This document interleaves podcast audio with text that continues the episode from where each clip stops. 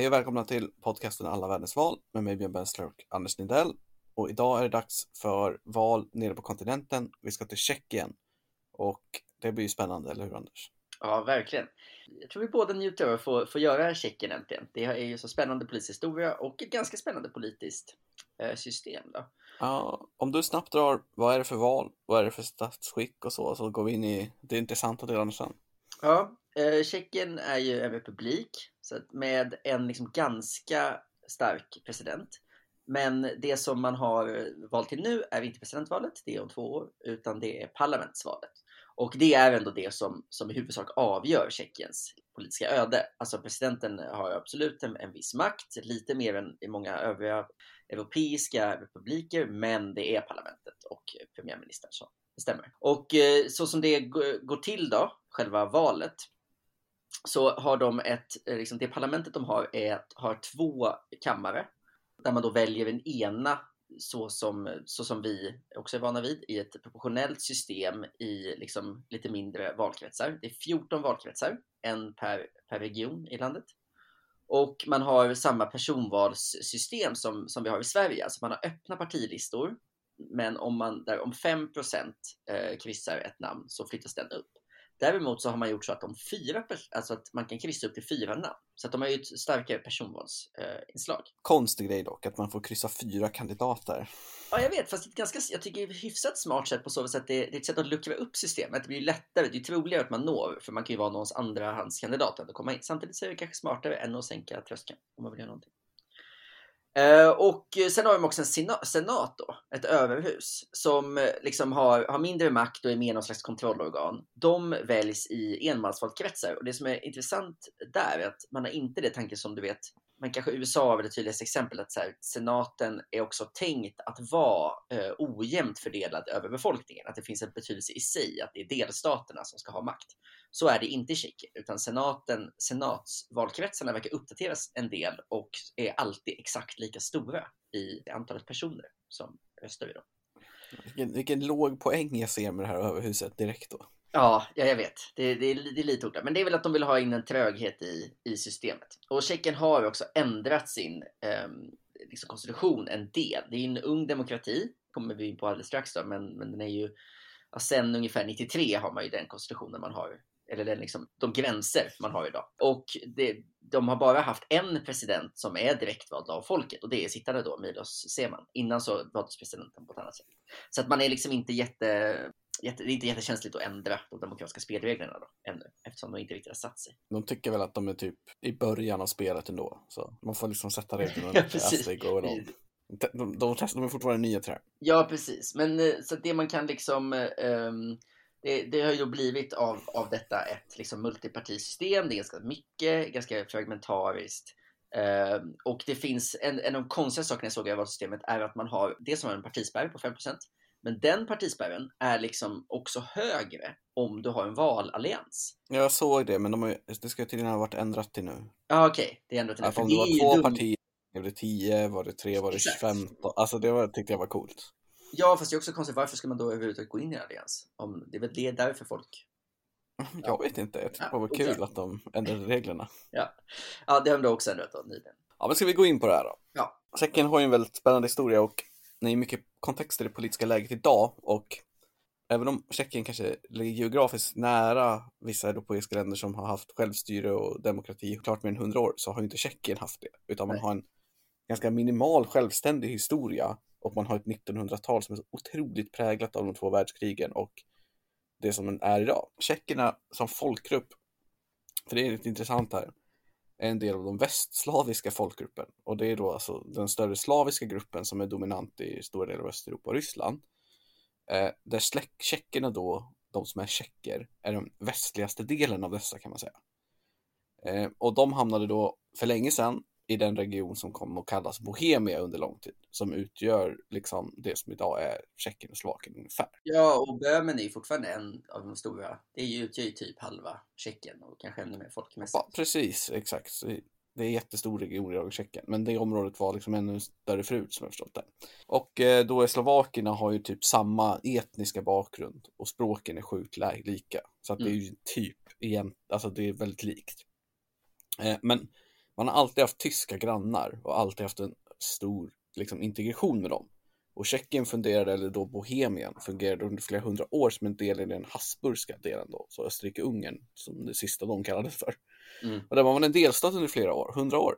Mm. Och när nationalismen väl drog igång på 1800-talet så blev det ju väldigt så här romantiserat med språk och kultur och identitet och då var ju tjeckerna på det tåget och det var ju då liksom idén om en tjeckisk stat och ett tjeckiskt folk och ett tjeckiskt land tog fart. Det var Mm. ganska sent. Och eh, Österrike, eller Habsburgska strategin var att öka lokalt självstyre och utöka parlamentet hela tiden. Så det satt liksom tjeckiska nationalistiska partier i parlamentet i Wien. Mm. Och hade kanske historien haft en långsammare takt så är det möjligt att Österrike då istället hade blivit en federal stat med en tjeckisk region i sig Mhm, som de, mm. man då mer eller mindre självstyrde, men att man hade liksom en, ett överhus i Wien. Det var mycket som påpekade på att historien var på väg i den riktningen. Att Österrike-Ungern skulle liksom bli en federal stat istället med en kroatisk delstat, en slovensk delstat, en tjeckisk delstat. Ja, du ser det själv framför dig liksom. Mm, Alltså, det hade ju blivit ja, ett helt annat Europa. Men nu blev det inte så, utan historien gick istället upp i accelerationsfart under första världskriget för den tjeckiska nationalbildningen och efter kriget så försvinner ju Habsburgska dynastin och Österrike-Ungern och då bildas Tjeckoslovakien. Och den staten var, som man förstår av det här, redan in the making. Alltså att det fanns redan en process för Just någon det. typ av självstyre som då liksom bara accelererades. Och den staten, den svaldes levande av Tyskland efter bara 20 år. Vänta, nu, nu är vi framme vid andra världskriget. Ja, precis, exakt. Så Tjeckien hade 20 år från 1920 till 1900 38, 37 som de var liksom, självstyrda. Tyskland tar över och tjeckiska området styrs mer eller mindre från Berlin och eh, Tjeckien är ett av länderna som nämns med namn eller folken som nämns med land i det som kallas för generalplan öst som ju är tyskarnas ommålning av Östeuropa efter andra världskriget. Och då ska hela intelligensan och akademin i Tjeckien utrotas och sen så ska de tyskifieras och liksom oerhört brutalt. Men eh, Tyskland förlorar ju som alla vet andra världskriget och Tjeckien hamnar då tyvärr för dem får man väl då säga istället inom den sovjetiska sfären. Mm. Och då blev man utsatt för Stalins ganska aktiva omorganisation kan man väl säga av Östeuropa då. Så den östraste regionen av Tjeckoslovakien som hette Rutenia, den blev istället ukrainsk för att Stalin tyckte det. Och ingick då i Sovjetunionen. Så då blir man klar med de delarna som är Tjeckien, Slovakien. Och då så händer det ju ganska mycket. För det första kan man ju då säga att inte bara det att tjeckerna mer eller mindre i praktiken blir ett lydstat till Moskva istället för till Wien som det var först och sen Berlin ett tag. Det hände ju också att tyskarna var den klart största etniska minoriteten i Tjeckien innan 1937. Mm. Det bodde 3,5 miljoner tyskar i landet av en befolkning på typ 13-14, så var jätte, jättestor del tyskar i landet. Och han som leder tjeckerna under, efter 1945, Brennes, han gör liksom en dekret där han, de beslagtar all egendom av tyskar och utvisar två miljoner tyskar ur landet. Och behåller den del som man tycker är liksom kollektivt ansvariga för brotten som har begåtts och de bestraffas. Mm. Och sen skickas de ut och då är helt plötsligt Tjeckien för första gången ett land utan en stor tysk minoritet som tidigare var den största. Och det här händer ju överallt i hela Västeuropa att andra världskriget blir liksom en etnicitetsblandning. Alltså man liksom, Mm. helt plötsligt är det bara tjecker i Tjeckien. Helt plötsligt är det bara tyskar i Tyskland. Helt plötsligt, alltså liksom, Ja, den liksom ja. etniska rän- gränserna blir liksom helt plötsligt sorterade i länder på ett mycket, mycket tydligare sätt. Och detta är ju bara en konsekvens av våld och död och liksom tvångsförflyttningar. Så att man bygger liksom förutsättningar, eller implicit skapar förutsättningar för de här framtida nationalstaterna genom att man liksom bara tvingar människor eller mördar människor. Och då blir det ett nytt spel för Tjeckien då, för då är man helt plötsligt ett tjeckoslovakiskt land utan en enorm eh, minoritet, utan snarare med små, svaga minoriteter. Kommunistpartiet tar ju då över och så rattar de. Och De vinner Prag... alltså de första fria valen efter kriget, ska man säga. Och, sen, och bildar minoritetsregering och sen tar de över någon slags... Nej, de, de vinner ju inte, utan att de får ju röster, men de får ingen majoritet av rösterna. Och, när de inte... och så var det ju i alla de här, Polen, Ungern, alla, de hade ju val i alla, för Stalin trodde ju att de skulle vinna makten demokratiskt. Mhm. Men det gjorde de ju aldrig någonstans. Så att det var så här, då blev det aldrig några mer val Nej. sen. Fick de lösa det så. Ja. Så de tog makten via en statskupp och så kör de på liksom och så är det den kända Pragvåren med liberaliseringen och där Sovjetunionen går in med stridsvagnar. Ja, för det som hände där, i Pragvåren är ju inte ett uppror på det sättet, utan det är ju att tjeck, det tjeckiska styret självt börjar liberalisera Tjeckien. Ja, de vill bestämma lite saker själva. Ja, och man gör sådana saker att man, att man självständigt typ lyfter en del censur och sånt där. Så att man, man, man gör helt enkelt lite, lite små liberaliseringar av det demokratiska samtalet. Och det gillade inte de andra i gänget. Nej, det var ju Brezhnev som såg det som ett hot liksom. Och eh, det hade han ju rätt i Brezhnev på så sätt att när Gorbatjov försöker med samma sak så faller ju Sovjetunionen. Ja.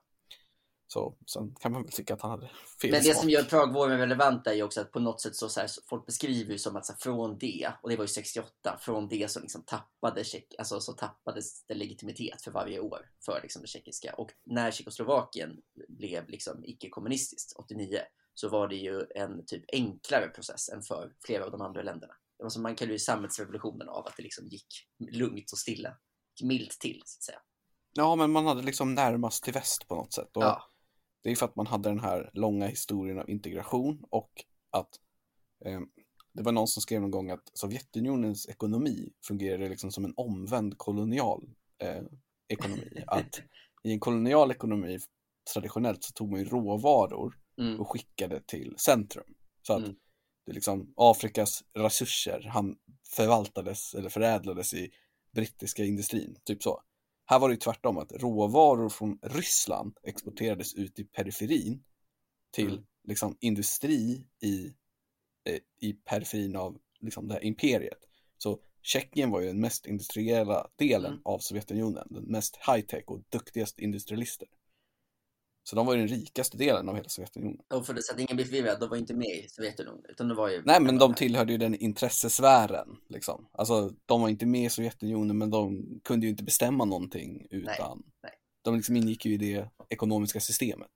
Men då sker ju i alla fall revolutionen 89 då, när Sovjet faller och Havel blir president. Mm. Han är ju en ganska intressant herre. Eh, Vaclav Havel är ju jätteintressant. Han är ju en, liksom, en av dem som har liksom varit en, en del av, av liksom demokratirörelsen i Tjeckien länge. Uh, man pratar om den här Karta 77 för eh, en del liksom, reformer åt demokratiskt håll och så vidare. Han är ju liksom inte en del, alltså han har ingen liksom partipolitisk tillhörighet. Det enda partiet han är med i är det som kallas, liksom, på engelska översatt Civic Forum, alltså det som var det, det breda liksom, demokratipartiet som fanns i Det början. är som anti-Sovjet liksom, typ.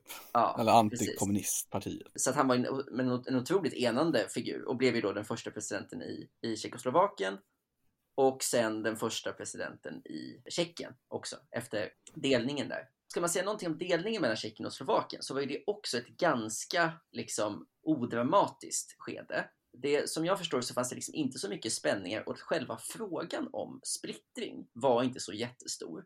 Men däremot fanns det en de facto splittring i den politiska viljan i de två delarna. Tanken var väl typ att det skulle vara nästan som en federation mellan liksom en tjeckisk halva och en slovakisk halva. Eh, men de styrdes redan ganska olika och med ganska olika politiska inriktning och vilja. Där den slovakiska delen var mer vänster och mer liksom ville ha en, en kanske tydligare sta- överstatlighet. Medan den tjeckiska delen var mer, alltså mer liberal, mer höger och också där också kanske lite mer fanns en, en vilja att vara ett, ett eget land. Liksom. Så att eh, redan ganska snabbt in i, i, i liksom, Tjeckoslovakisk demokratiska historia så blev man, eh, ja, så tog man beslutet helt enkelt redan 92 då, att dela på länderna. Och eh, så gjorde man det från 1 januari 93. Ja, det är ju intressant att det var en så pass ändå så här icke-kontroversiell delning och ganska snabbt. Ja, precis. Och sen hjälps det väl av, alltså Tjeckien är ungefär dubbelt så stort som Slovakien och är ju storebror i sammanhanget och det är klart att det hjälper att det var de som ville dela liksom mest. Ja, jo, Men- absolut. Men, Men det också... men det var ändå liksom inte, alltså som jag förstår det var inte delningen i sig som var den stora frågan utan det var snarare att delningen var en praktisk lösning på de liksom skillnaderna som fanns. Ja, men precis, men det ligger väl också hand i liksom hela riktningen här att man har ingen lång historia av ett land som är självstyrt med en viss geografisk identitet och sådär, utan Mm. Det gick liksom att dela upp. För man har ju liksom styrt från Wien, Berlin och då kolonialt skulle jag säga under Moskva under lång tid då. Mm. Och det gör det ju förståeligt att man i dagens politiska kontext som vi kommer komma in på ny så finns det ju en viss skepsis till överstatlighet, till EU, till främmande makter och makt som försvinner bort från dem. Det är på ett sätt förståeligt om man har haft det 1900-talshistoria som tjeckerna har haft, som ju som, en, som svensk är liksom omöjligt att relatera till egentligen. Så upplevelsen är så fundamentalt annorlunda. Verkligen. Och jag kollade upp lite, eller jag förstår det som att den period man har nu som är kontinuerlig sedan 93, det är ju faktiskt den längsta kontinuerliga självständiga staten man typ egentligen någonsin haft. Ja, ja, verkligen. Så man är, man är ju inne på liksom sin bästa streak so far. Ska vi ta partierna då? Ja, så vi bara säga något mega kort om, bara om landet. Jag tror alla känner till var Tjeckien ligger och så, men det är typ 10 miljoner invånare, eh, typ en sjättedel av Sveriges yta. Egentligen är det liksom tre delstater. Som, det är de tre vapensköldarna på flaggan, Böhmen, mm. Mähren och Schleisen. Mm. Man har EUs lägsta arbetslöshet, man är ganska ekonomiskt differentierat. Eh, man är liksom en regional, av de gamla så här, östeuropeiska länderna så är man rikare än sina grannar, Slovakien och Ungern. Eh, och man har hanterat covid lite konstigt, typ att man har tredje högsta dödligheten i Europa. Men man har typ 55-60% vaccinationsgrad nu, så man får väl se. Och det är typ Tjeckien. Och nu kan vi gå in på partierna och senaste valet. Så take us away Anders, så kan du lägga ut texten lite här om hur partirymden ser ut. Så. Ja, om vi tar vid från 93 där Havel är president och Tjeckien går in i liksom sin nuvarande demokratiska historia. Då har liksom Tjeckien dominerats av två eh, partier. Eh, dels ett socialdemokratiskt parti, eh, CSSD, Tjeckiens socialdemokratiska parti, och eh, ett konservativt parti som hette med, som man kan översätta till Medborgardemokraterna. Och de var liksom, jag tror att de bildades med liksom kanske till och med stöd med i alla fall med liksom Tories i England som modell. Så det är liksom, de är, det är liksom ett klassiskt konservativt eh, parti från början. Eh, och de har liksom turats om lite att vara, eh, först hade då ODS en, en premiärminister som heter Václav Klaus. Eh, han var premiärminister i början av och sen byttes de då till Milos Zeman som var premiärminister för Socialdemokratiska partiet i, slutet på 90-talet. Och kommer man ihåg det lilla namnet så är det för att det är ju han som är president i landet idag.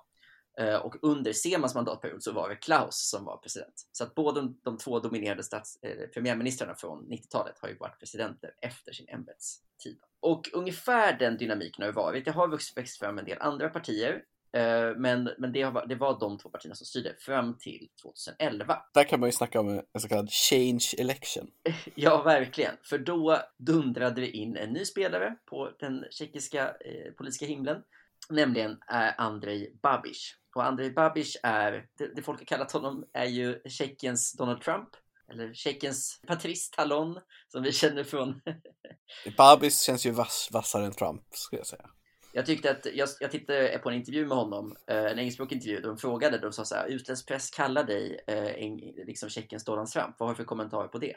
Då sa han, don't read the fake news. det, är, roligt för att det är ja, bekräftat på ett sätt. Men anledningen till att han kallas det är inte bara för att han är liksom en, en populist som dundrade in för att eh, göra bot på korruptionen, utan det är också för att han är en av Tjeckiens absolut rikaste män. Eh, och liksom eh, även äger liksom ett enormt eh, jordbruksföretag på något sätt. Nej, så här är det. Så, så här, Babis är född i Bratislava till att börja med, ja. så i Slovakien. Han har varit med i kommunistpartiet. Han har haft en kontrovers där han har varit till, anses ha tillhört eh, underrättelsetjänsten till och med. Mm. Men han hävdar ju att det var mot hans vilja. Han, alltså han visste, var inte medveten om att han rapporterade till dem, utan att han... Mm. Så. Men då han jobbade på ett statligt export-importföretag då, kan man säga, ungefär mm. så, som alla de här sovjetiska intressesfärens kommunistiska länder hade. Och när Tjeckoslovakien blev fritt, eller självständigt, då lyckas han ta över det till privata och bygger då liksom ett affärsimperium, liksom som en, liksom en Ogliark light. Liksom. Just det. Ja. Där han liksom bygger inte från grunden utan tar över, tar över ett statligt företag och bygger på det istället. Och sen har han då med, med det som trampolin gick han in i, eh, i politiken 2011. Och han blev inte, de vann inte direkt men fick ganska mycket, alltså kom upp på 10 liksom väldigt, väldigt snabbt. I då det senaste valet så, så lyckades man istället... Eh, då fick man 30 va? och han blev premiärminister. Ja, och det som liksom har varit också, eh, alltså de här är ju, alltså han är ju eh, i tjeckisk politik placerad ganska mycket i mitten. Även om liksom mycket av höger, liksom, liksom politiken han driver, liksom, i alla andra länder skulle Det betraktas finns så som många höger. galna partier här. Ja, Så, om du har tio partier, du är höger, men du har fem partier till höger om dig, då hamnar du i mitten. Ja, Så, precis. eh, Det blir på något sätt så. Men, men det som man kan säga är så att den övriga högern ville liksom inte, har inte velat samarbeta med Babis, alltså den här ODS, eh, det här konservativa partiet. De har liksom en partiledare som var väldigt, ja men liknande som den debatt som funnits i alla, när det kom upp en populistisk kraft, liksom hur ska vi hantera dem? Och deras partiledare var väldigt så här hands-off mot, mot Babish och var så här, men vi vill inte samarbeta med honom. Medan istället då Socialdemokraterna tog chansen och var så här, jo men vi vill gå in i en, i en koalition med Babish. Och det har inneburit att, alltså det har varit kanske, alltså det, det kan ju finnas andra skäl till det, men Socialdemokraterna är numera, alltså i förra valet fick de 7 och i mätningarna nu kan jag, kan jag säga att de ligger på ungefär hälften av det. Så det finns en stor möjlighet att de inte ens kommer in i parlamentet. Att de har liksom försvunnit in i Babis skugga. Liksom. Eh, och jag vet inte liksom vad som är de stora frågorna inom tjeckisk socialdemokrati, men det känns som att det inte är en strategisk lösning att, att gå in och backa den stora bullriga eh, miljardären om man är, ska driva någon slags socialdemokratisk opinion. Så sossarna blev i senaste valet mindre än kommunistpartiet som är, eh, har strax under 8 procent. Alltid jobbigt för sossar att bli mindre än Ja, kommunistpartiet. jag tror att det, är, att det måste svida. Det är den ultimata självförtroendeknäcken. Liksom. Men om, man- om man går igenom då hur en eh, partihimlen, då finns en, en del annat att studsa på. Men anno 2011 som då är Babis parti, de, eh, de fick då 30% Vet du förresten vad anno betyder på tjeckiska? Nej, Det är ja. Vilket är så, ja, så det är ett simpelt namn. Att heta ja 2011. Så det är mitt, favorit, eh, mitt favoritpartinamn är ju Forza Italia. Ja, ja men... Av populistiska partier. Bara, Heja Italien. Alltså jag Ja. tycker det. Och sen, och sen då nä- näst störst blev då ODS, de här, det är konservativa, Medborgardemokraterna, eller liberalkonservativa kanske man ska kalla dem. Liksom. De är verkligen, de är mitten, eh, mitten av högern. Eh, och de fick bara 11 procent. Så att alltså alla andra partier utöver, det är liksom näst största fick 11 procent. Mm, då, då sitter du då, många kan vi då såklart avslöja. Jättemånga partier. Ja, precis. Och eh, på liksom tredje plats så har vi ändå en, en ganska intressant kraft, nämligen Piratpartiet.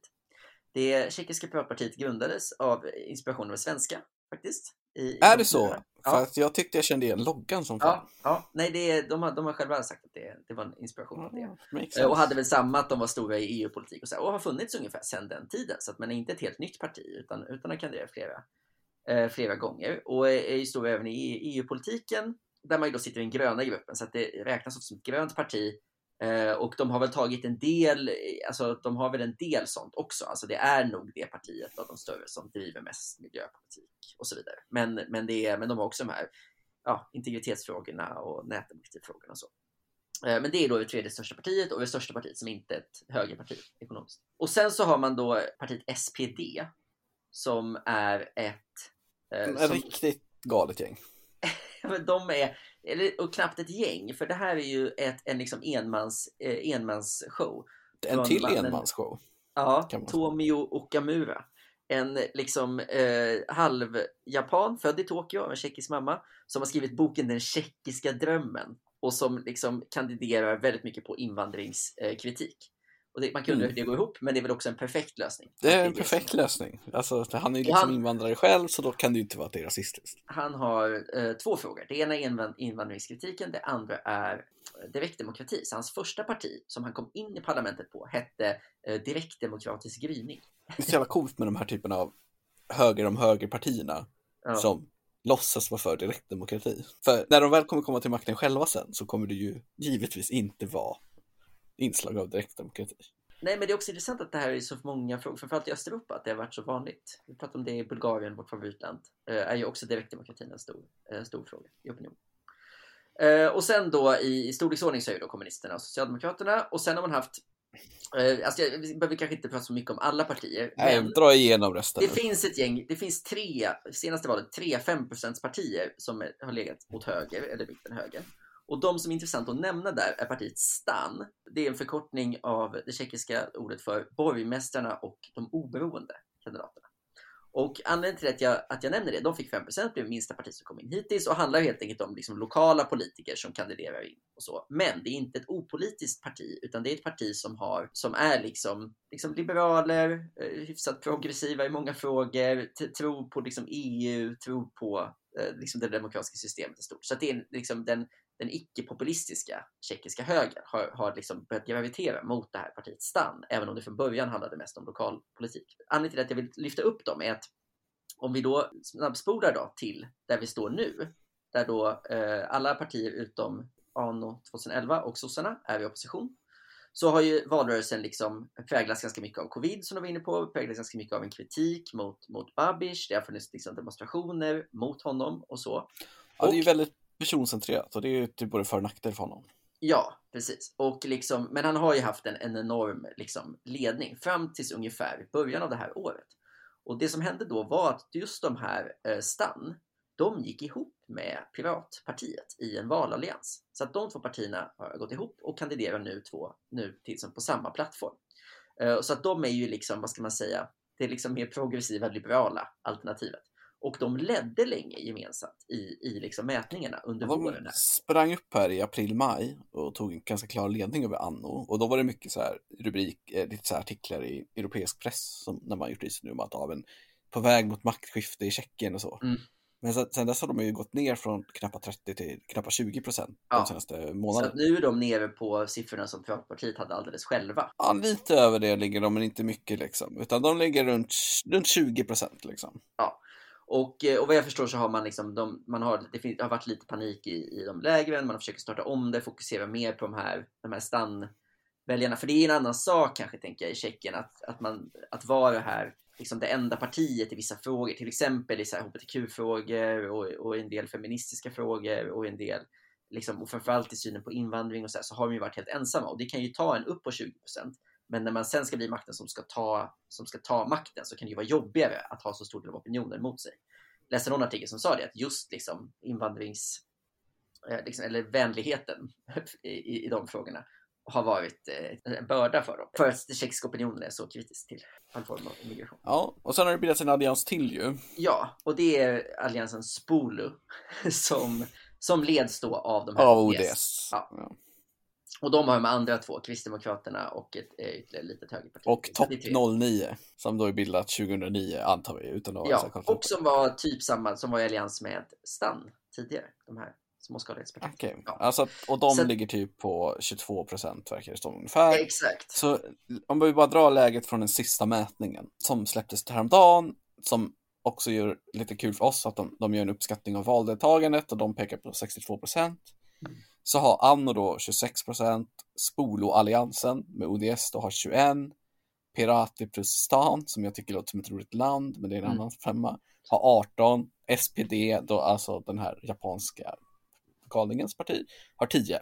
Och så kommunistpartiet på 5 och CSSD, vilket var det nu igen då? Det är sossarna, de på 6 och sen ligger alla under, alla andra under 5 procent. Ja, men sossarna är ändå de- över, över spärren. Ja, 6,1 Ja, i okej. den här. För, för det har ju Men, varit annars, eh, en av berättelserna under, val, under valrörelsen har ju varit att de kanske åker ur. De ligger under spärren i Ipsos senaste mätning och Kantars senaste mätning, så Mm. who knows liksom. Men de balanserar där. Ja. Men det verkar bli att det blir en, två, tre, fyra, fem, sex, sju, åtta, nio partier som tar platser. Mm. Kanske att partiet PSH, eh, som verkar vara bildat 21 här också, de ligger på 4 procent, så maybe. Men det blir max 10 partier, vilket ju är en ansenlig mängd. Det är väl för väl för vår del att, att de eh, har, har lagt ihop det också. Så lite allianser. Ja men precis, och sen jag förstår inte riktigt hur mandatfördelningarna i alliansen kommer bli, men det är väl skitsamma. Nej, eller? det förstår man inte helt. Och det verkar också finnas en... De verkar ha eh, lite svårt att... Eh, alltså de verkar ha ganska mycket utjämningsmandat sådär, så att det, det ska vara lite svårt att räkna i förväg. Det som också är speciellt då är att men, de kommer ju bli stort, störst anno, men det finns ju väldigt mycket spekulationer om vad Babiš egentligen vill nu eh, framåt.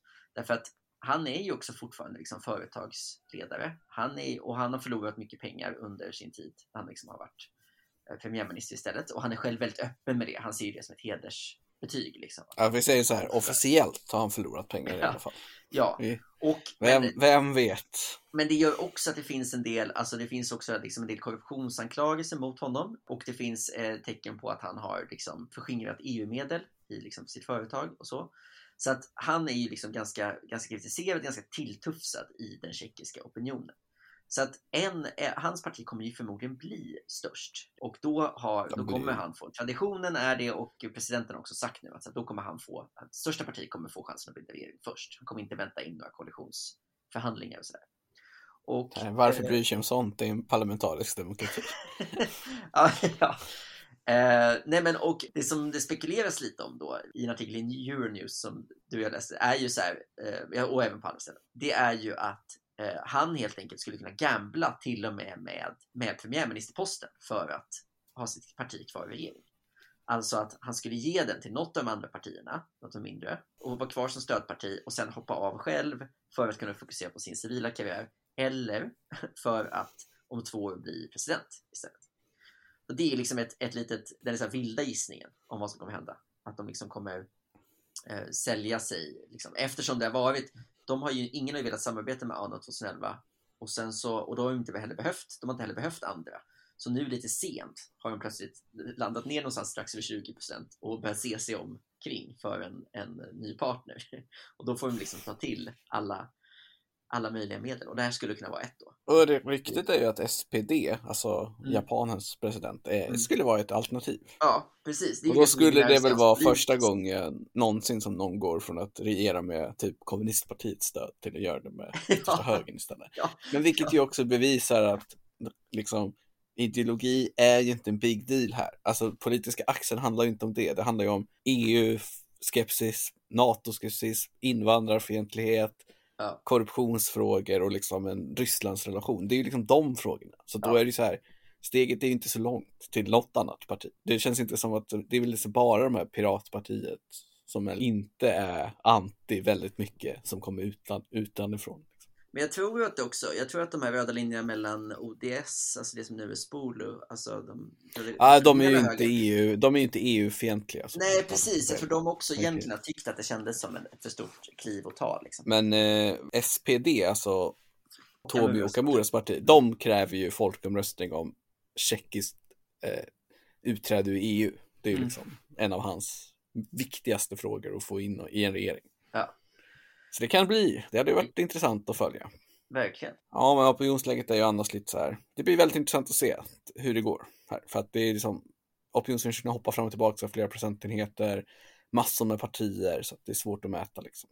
Och lågt valdeltagande vad det verkar, 60 procent typ. Mycket som kan hända här helt enkelt. Verkligen, och framförallt i förhandlingen efter. Det, vi kommer inte veta så mycket kanske efter valet, utan det, blir, det kommer vara en stökig tjeckisk höst innan, innan man vet vad som händer med landet. Ja, tjeckisk höst, så jag avslutar med det helt enkelt.